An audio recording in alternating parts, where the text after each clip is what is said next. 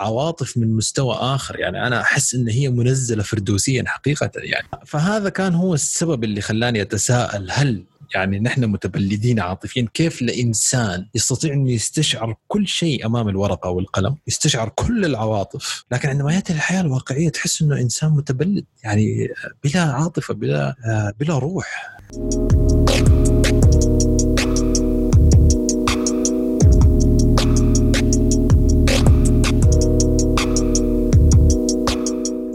Beckham, رصيد بودكاست. اليوم بس معاكم الجوزي وشاهين في حلقة اكسكلوسيف اليوم راح نتكلم عن موضوع عشوائي بيني وبين شاهين. هو تقريبا يعني كان حديث ارتجالي ما بين أنا والجازي. قررنا أنه نتوقف لوهلة ونسجل هذا الحديث لكي نشارك فيها أفكارنا وآرائنا وحتى تجربتنا الشخصية معاكم. يعني ولعل من يستمع إلينا يتوافق مع هذه العواطف قد يتوافق مع هذه التجربة ويجد نفسه أنه هو مر بمثل هذه التساؤلات اللي مرت فينا. الحديث هو يدور حول فكرة العاطفة الإنسانية اللي كثير من الأحيان تتجرد مع مرور السنين أو نوعا ما تتبدد. يعني أنا أذكر عندما كنت طفل كان فيني نوع من العاطفة الإنسانية اللي هي فيها جزء كبير من الفضول فيها جزء كبير من الشغف فيها جزء كبير جدا من الحب اتجاه العالم اتجاه الأصدقاء اتجاه الأسرة. لكن مع مرور الأيام وجدت نفسي أتبلد نوعا ما عاطفيا يعني واحيانا لا أعرف ما هي الأسباب اللي خلتني أنا أوصل لهذه المرحلة، هل هي كانت يعني مرارة التجارب الفردية؟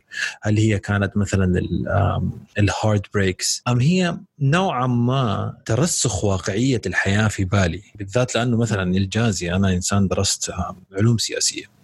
ودرست كثير من الفلسفة ودرست كثير من التاريخ بالذات لأنه نظرتي كان ما قبل الجامعة وما بعد الجامعة نظرة مختلفة كليا لنفسي مختلفة كليا للحياة مختلفة كليا لكل ما كنت أؤمن فيه. فأصبحت نوعا ما إنسان متغير ومتلون جدا خلاف لذاتي القديمة. أرد هذه التساؤلات لمرحلة الجامعية وانكشافي للواقع بكل واقعيته من دون أي نوع من أنواع التغطية أو نوع من أنواع آه، أو كما يسمى ال sugar coating خلاص أتتني الواقعية كما هي. وسبحان الله يعني أنا ما أعرف إذا أنت مريتي بهذه التجربة لأنك أنت أيضا درستي فلسفة في الجامعة يعني.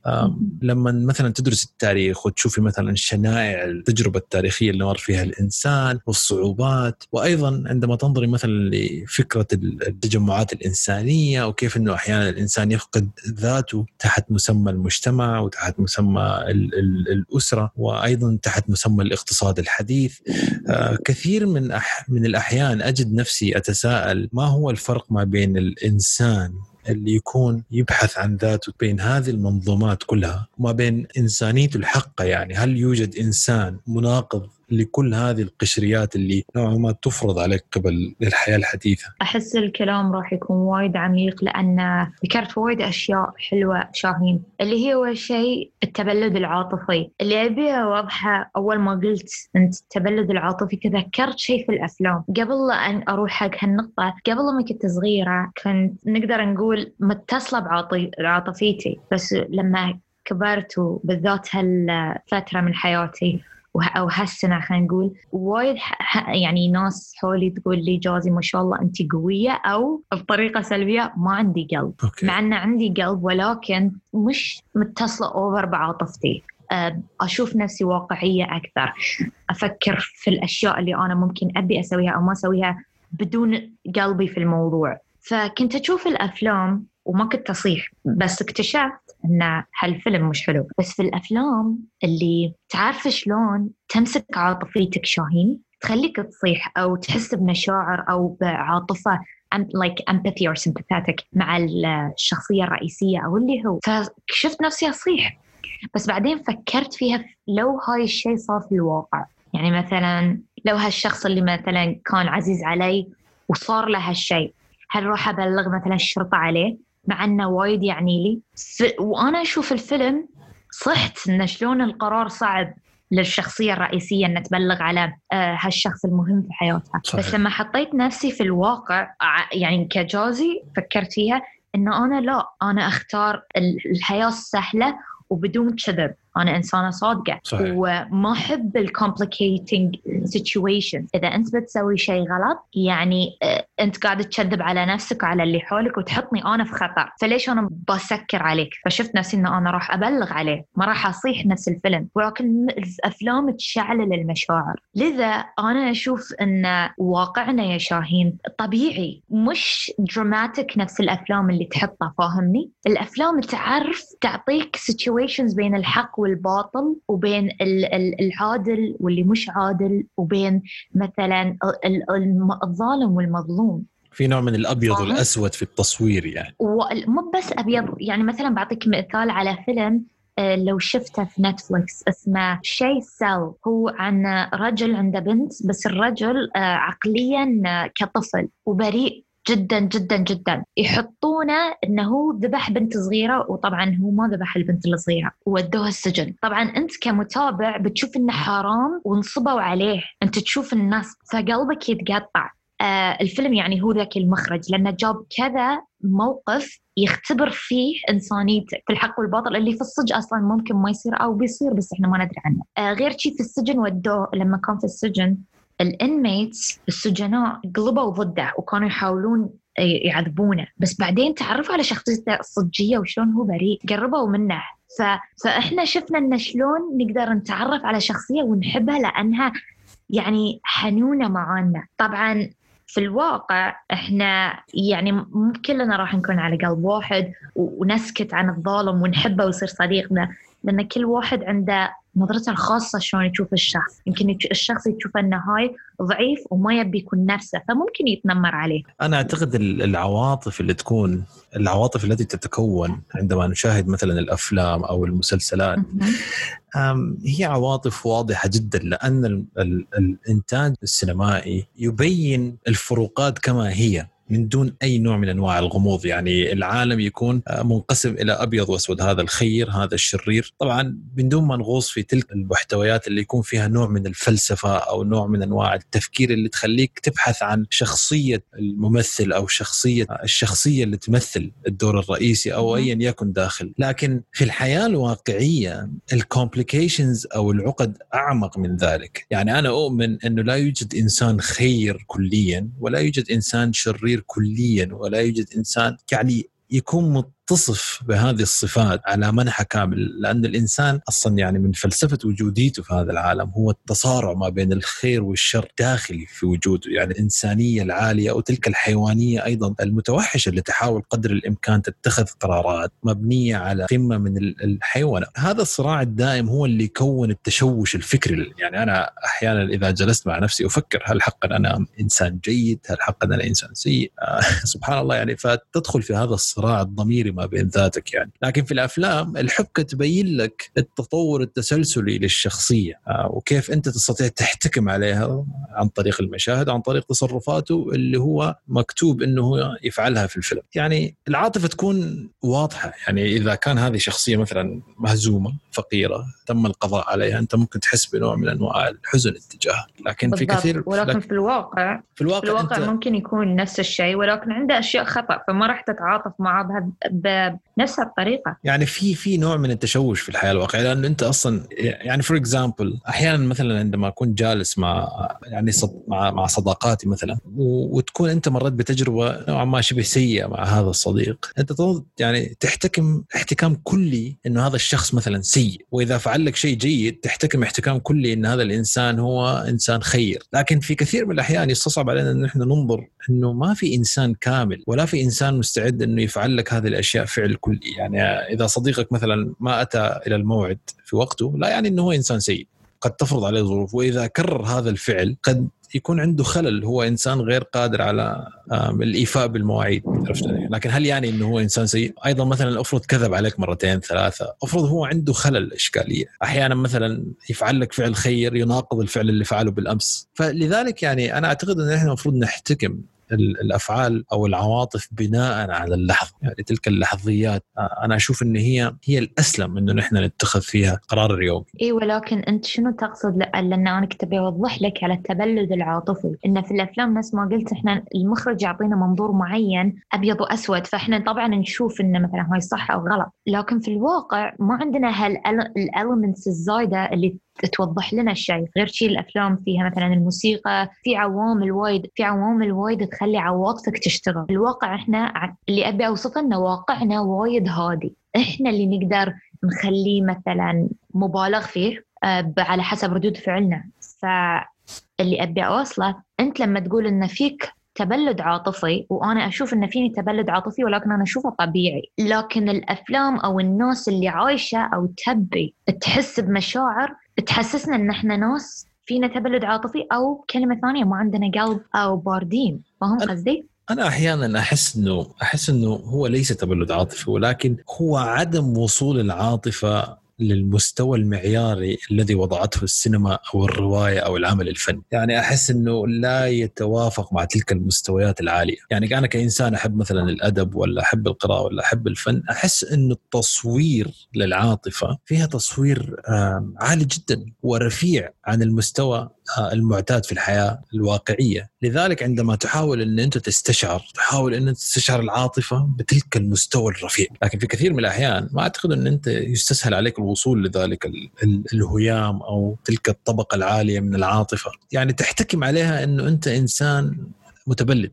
لكن ممكن انت تكون تستشعر بالعاطفة ولكن هي ليست بتلك المستوى اللي تم ترسيخه في بالك إنه إذا حبيت لازم تحب بهذه الدرجة، إذا مثلا تعلقت بالأسرة تكون متعلق بهذه الدرجة، إذا كنت متعلق بالأصدقاء تتعلق بهذه الدرجة، ففي نوع من أنواع الدراما اللي ارتبطت مع العاطفة دائما بالذات في يعني الإنتاج السينمائي، لأنه أنا شوفي أو حتى الرواية يعني أنا أنا اؤمن طبعا من دون جمع، ما أنا ما أحب أكون collective، أحب أعطي آراء آه، جمعية على كل الإنتاج الأدبي أو السينمائي لأنه تختلف طبعا. لكن كأغالبية مما رأيت أنا في حياتي رأيت إنه في تصوير dramatically لكل هذه المحتويات لذلك ما تجد نفسك إنه أنت قادر إنه أنت توصل لهذه المرحلة. وهذا شيء مزعج. وفي نهاية الأمر إذا أردنا أن نكون على وضوح الإنتاج هو محاولة تصوير تلك الأحلام الداخلية للإنسان. يعني العمل الفني هو اعتراف اعتراف بينه وبين الفنان. بما يستشعر به داخليا سواء كان عن طريق الكاميرا سواء كان عن طريق الرسمة سواء كان عن طريق الأدب.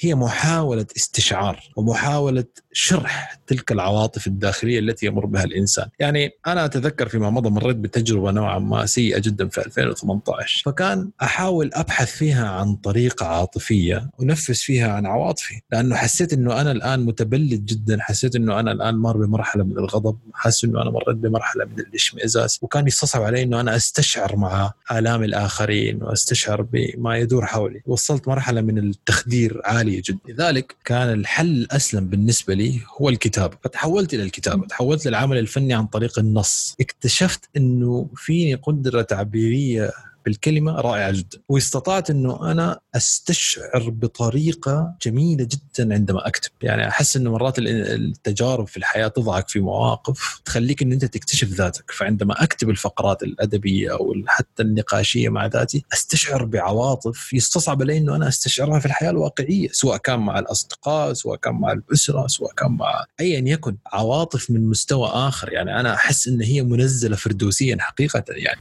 فهذا كان هو السبب اللي خلاني أتساءل هل يعني نحن متبلدين عاطفيا؟ كيف لإنسان يستطيع أن يستشعر كل شيء أمام الورقة والقلم يستشعر كل العواطف لكن عندما يأتي للحياه الواقعية تحس أنه إنسان متبلد يعني بلا عاطفة بلا بلا روح. فهذا هو السؤال اللي أنا خلاني أجلس معك اليوم وأتحدث وحتى المستمعين يعني.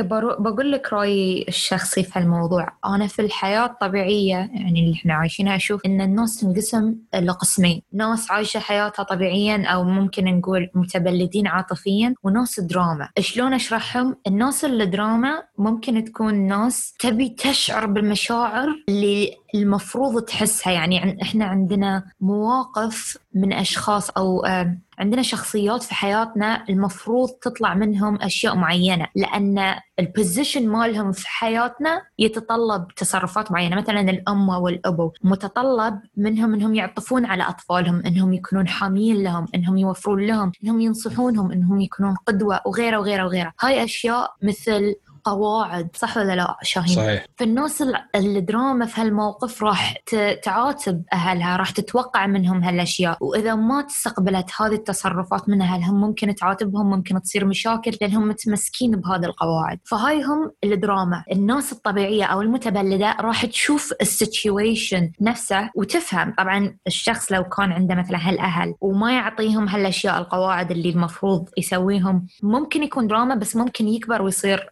تبلد عاطفيا مثلي أنا شخصيا. آه، كنت آه، أنا كنت شخصية وايد درامية لأن كنت أتوقع أشياء معينة من الناس في حياتي أهلي أو أصدقائي لأن كانت الفكرة وايد قوية. يعني أخذت أفكار من أفلام أخذت أفكار من قصص أخذت أفكار صحيح. من أصدقائي أو أهلهم أو أصدقائي وصديقاتهم. كنت أشوف الناس مثلا best friend لازم تكون أشياء معينة وأنا ال best friend مالتي ما صارت لي ما سوت لي نفس الأشياء بالعكس تخلت عني فشفتها يعني كأنها كسرت قلبي فهمت؟ فهاي كانت صدمة عاطفية لي. آه غير كذي أنا بعد صارت في حياتي حالة وفاة. فشفت شلون ردود أفعال الناس اللي في حياتي. قلت هل المفروض أنا أسوي نفسهم؟ وسويت نفسهم. بس بعدين راجعت نفسي. قلت زين هم ماتوا. هل أنا أحتاجهم أول شيء في حياتي؟ يعني مثلا كل شخص في حياتك له مقام معين. صحيح. مثلا أمي أمي وايد لها مقام عالي في حياتي وأنا أحتاجها. هي معي في البيت. كل يوم أشوفها. ممكن عزوتها لي تكون أكثر. آه، حد أبعد من عيلتي. مو بلازم يعني أو يعني okay مات شيء حزين بس هاي هي الحياة سلسلة الحياة. فبديت أفكر بمنطقية في هالمواضيع. وبعض الناس كانت تشوف إن هاي تبلد عاطفي. فاللي أبغى أقوله إن التبلد الناس اللي في الثانية زين المتقسمه قسمين اللي فيها برود تكون عايشة اللحظة بنفسها وتحلها. طبعا بيكون فيها حزن أو تمسك بالمشاعر بس في لحظتها مو بلازم تشاركها مع مع العالم. آه والناس الدراما متمسكة بالعواطف وممكن تاخذ فترات طويلة. فأنا أشوف أن الحالتين طبيعي طبيعيين ولكن لازم بعد نوازن ما نبالغ في الحالتين. ما أشوف أن التبلد عاطفي شيء غلط ولكن كل شيء في وقته زين. ولازم يكون في وعي في السالفة شاهين. لازم يكون في وعي داخلي الموقف مشاعرنا ما نقدر نسكت عنها في حالات صدمة أو حزن أو غضب لأن هاي مشاعرنا على طول تشتغل وتتشال تتشعلع بسبتها ولكن عقليا نقدر نفكر بعدها مثلا بثانية أو إذا فصلنا نفسنا من الموقف. ولازم نفكر. أغلب الناس ترى شاهين مش متصلين بعقلهم. يعني أنت حين ذكرت أن دارس فلسفة ودارس أشياء ثانية. السياسة وهالأشياء. ف... وأنت الشخص تقرأ كتب. وأنا بعد في الفلسفة وآداب الإنجليزي وايد وايد هالشيء آه، خلى عقلي يفكر في وايد أشياء. وأنا أعتقد وأصدق ان جزء كبير من دراستي وقراءتي وتطلعي على هالأشياء اللي هي تطوير النفس وغيره خلتني أفكر واقعيا خلتني صدق أتساءل في أشياء مثل هذه. وأنا عكسك أنا أشوف إن الشيء طبيعي ما أشوف إن الشيء غلط. أعتقد إن التوقعات هي اللي غلط. آه، مثل ما أنت تقول إن في ناس تشوف لأن الناس الثانية ممكن تكون آه، في بوزيشن غير فاهمني؟ يعني أنا أنا أعتقد يعني إضافة لحديثك إن الإنسان يستطيع انه يتوصل للواقعية ويتجرد نوعا ما من المثالية والتوقعات عن طريق طريقين مختلفين، الطريق الأول هو يا عن طريق الأدب أو أو الدراسة أو الجامعة أو التجربة الكتبية أو الأدبية عامة أو عن طريق التجربة الحياتية الواقعية، يعني معايشة الحياة يومها بيومها ومعايشة الصدمات ومعايشة نوعا ما التجارب السلبية لأن الإنسان آه، دائما الواقعية نوعا ما مرتبطة بالسلبية وأنا أشوف إن يعني فيها جزء من الحقيقة إن الواقعية فيها كثير من المساوئ ولكن أيضا فيها كثير من المحاسن يعني لأن الواقع جزء منه أيضا الخير وجزء منه هو الشر لكن لما أقول كلمة واقعية الإنسان اوتوماتيكيا يميل للجانب السلبي صحيح أو لا؟ فهذا هو السؤال ولكن أيضا الإنسان يستطيع إنه ينظر. وهذا يعني أنا أريد أيضا أن أرد على السؤال على حديثك الأول اللي هو فكرة التوقعات والتصويغ للواقع عن طريق الصورة وعن طريق الأدب. وهو جزء من العاطفة أيضا لأن غير إنه كيف إنه العاطفة تم صياغتها كما قلت سابقا أعتقد إن الواقع يتم إعادة صياغته أيضا وإعادة تنميط العلاقات. يعني مثلا كما ذكرتي أنا كنت نفسك في جزء من حياتي كنت أعتقد إنه الصديق لازم يكون هكذا 24 ساعة شريك الحياة لازم يكون هكذا 24 ساعة الأسرة لازم تكون بهذه الصورة 24 ساعة. لكن في واقعية الحياة هذا لا يوجد لأنه أنت قاعد تتعامل مع بشر والإنسان بحد ذاته متقلب جدا يعني مزاجيا ومتغير ومتطور والمواقف exactly. يعني المواقف تغير شخصين عن بعض يعني الفيلم يعطيك إن الأم زينة حق مثلا أطفالها في لحظات معينة exactly. ويعطيك طبعا جوانب ثانية بس إحنا حياتنا طويلة جداً. آه الأصدقاء لهم مواقف جدا, جداً. يعني كل شيء فبس إضافة يعني سريعة إنه هو حديثك لأنه أنت أنت دخلتيني في طريق يستطيع إنه تتضح لي الرؤية الآن وهي فكرة إنه في كثير من الأحيان نحن نكون ضحايا لهذا التصوير. وفي كثير من الأدبيات اللي هي مثلا تحدثت عن فكرة تنميط المجتمعات. يعني مثلا عندك كتاب إدوارد سعيد اورينتاليزم اللي هو الاستشراق. تحدث جدا عن دور المستشرقين في إعادة تدوير أو تنميط المجتمعات الشرقية سواء عن طريق الأدب سواء عن طريق صناع القرار وهكذا يعني. فمثل هذا النص وجد طريق السينما وعن طريق الأدب لكن بطريقة أخرى إنه العالم كله أصبح ينظر للحياة بنظرة أحادية بالذات في مجتمعاتنا نحن الشرقية. لأنه مجتمعاتنا نوعا ما كانت تحيا في كنف ضروريات معيشية اللي هي مثلا القبيلة، القرية، المجتمع الريفي، لكن عندما دخلنا لحياة المدينة وأصبحت حياة المدينة تم إعادة صياغتها عن طريق المسلسلات، عن طريق الأدبيات، لاحظنا إنه لازم نعيش التجربة بهذه الطريقة وإلا نحن لن نعتبر نفسنا سعداء وإلا نحن لن نعتبر نفسنا أحياء، وأيضا يعني مثلا فكرة النجاح يعني أعتقد أنت راح تتفقين معي في هذه النقطة إنه كان النجاح مربوط بالدراسة الجامعية إنه من لا يدخل الجامعة لا يعتبر إنسان ناجح لا يعتبر إنسان هكذا. ولكن في كثير من الأحيان النجاح وجد آه، خارج جدران الجامعة. لكن لأنه نحن لا نتم لا نعيد تعريف المكان على حسب المبتغى. يعني أنا إنسان إذا دخلت الجامعة لا أبحث مثلا عن المال ولكن أبحث عن العلم. أبحث عن العلم عن طريق الجامعة. وفي والعلم الآن يوجد عن مختلف الزوايا وعن مختلف الأماكن. يعني تستطيع إنك تحصله لكن الاختيار الذاتي هو الأولى اللي هو المفروض أنت تعيد تعريف المكان به ومحتواه لذلك في تشوش.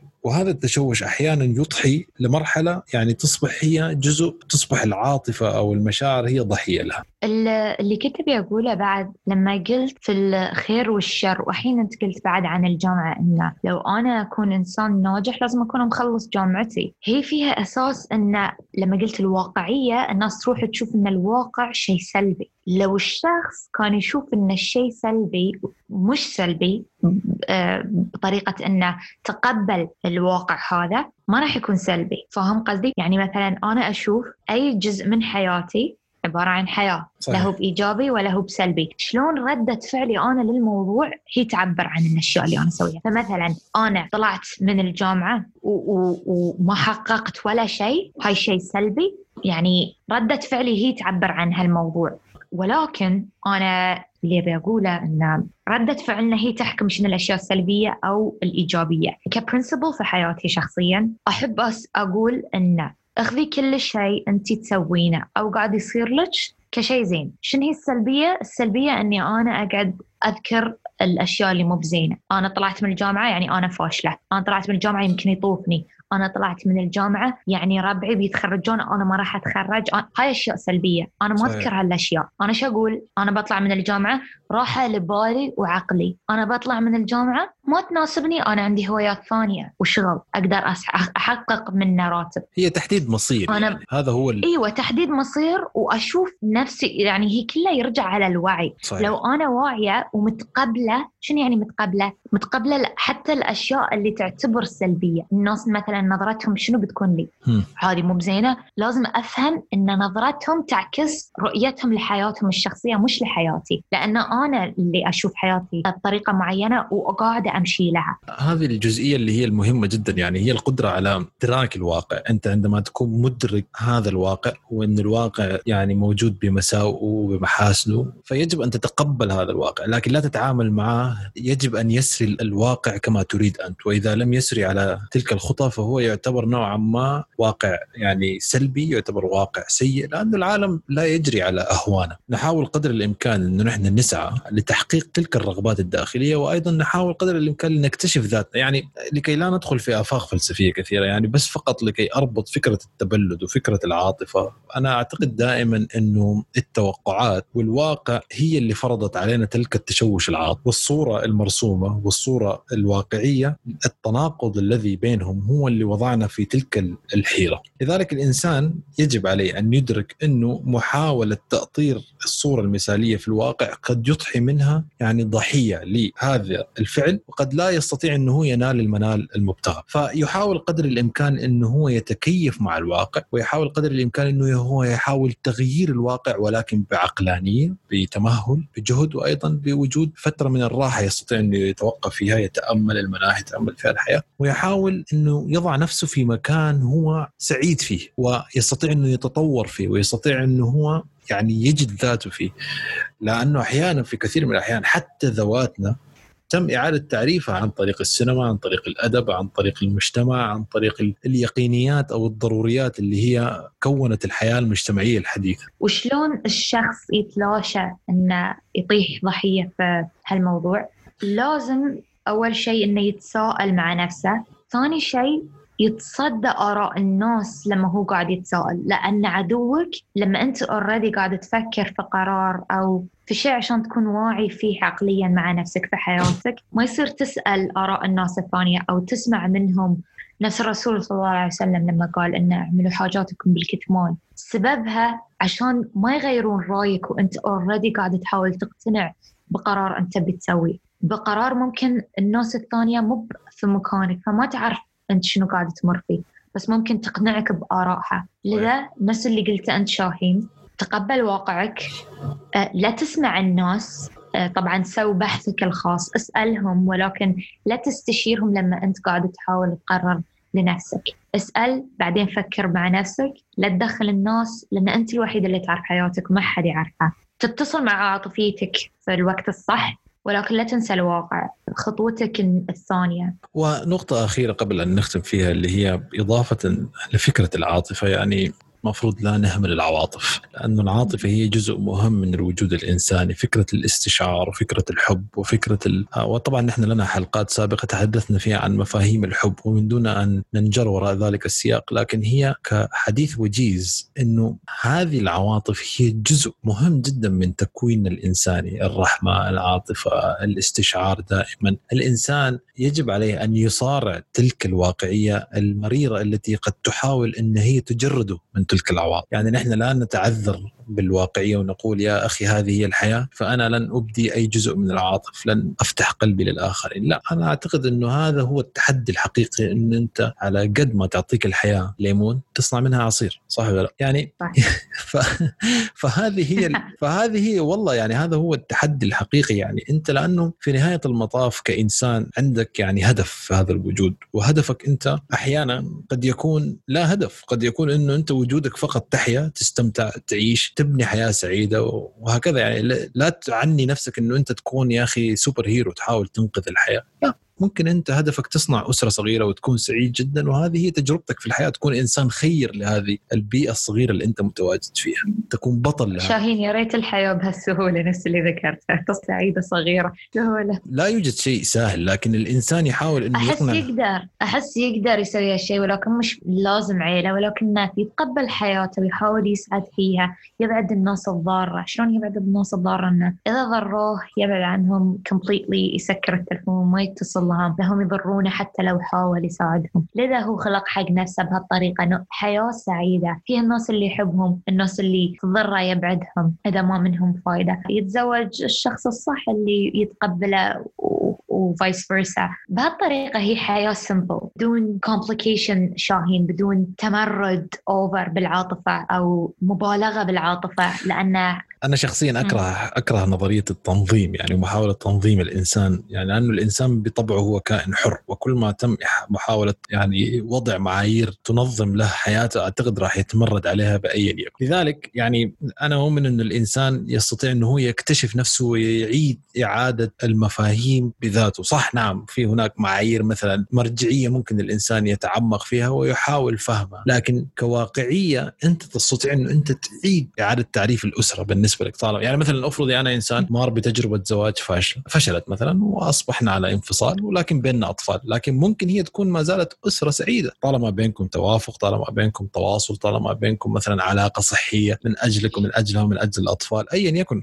يعني ممكن هذه الأسرة المنفصلة تكون على علاقة أقوى وأفضل من أسرة تكون عايشة في نفس البيت يعني. في نهاية الأمر أنا أعتقد أن الإنسان يستطيع إعادة تعريف واقعه لأنه هناك معايير تم وضعها من قبل المجتمع على أساس إنه هي تعيد تعريف ما هو الناجح أو الفاشل. وإذا نحن يعني أضحينا ضحية لهذه المعايير قد نضحي أيضا ضحية يعني كسر الخواطر التبلد العاطفي. لكن نحن نستطيع إنه نحن نصلح تجربتنا نستطيع إنه نحن نصلح أنفسنا نستطيع إنه نحن نصلح عواطفنا. يعني أنا إذا لا أستشعر بشيء يا أخي من الطبيعي إنه أنا أخرج وأسأل لماذا أنا لا أستشعر بشيء؟ هل أنا فيني شيء؟ آه هل هي تجربتي؟ هل هي مثلا علاقاتي؟ هل هي مثلا دراستي؟ هل هي حياتي؟ هل هو نمط معيشتي اللي مخليني بهذا الأسلوب. هي ليست ببساطة كما نحن نتحدث فيها ولكن الإنسان يحاول. المحاولة هي جزء من الوصول إلى الحل يعني. ف... يحاول من عن طريق لما يفشل يروح يبحث على الحل الصح. بالبوشنج مش إنه يدفع إن التصرف لازم يصير مثل ما هو يبيه لا.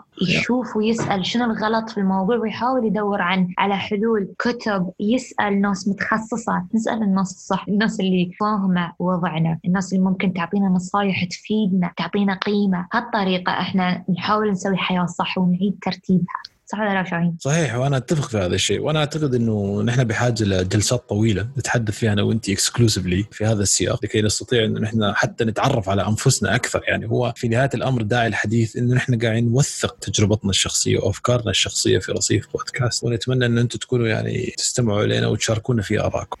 أنا وشاهين حبينا نشارككم هالموضوع وإن شاء الله حسيتوا في بعض المواقف اللي ذكرناها وحاولنا نساعدكم. وحاولنا نوضحها. طبعا شاهين كان يتساءل إذا هو كان بارد عاطفيا. أول ما قال هالشيء قلت يس أنا بعد حاسة في الموضوع إذا إن شاء الله استمتعتوا معنا في هذه الحلقة. وراح نشوفكم مرة ثانية. إلى اللقاء.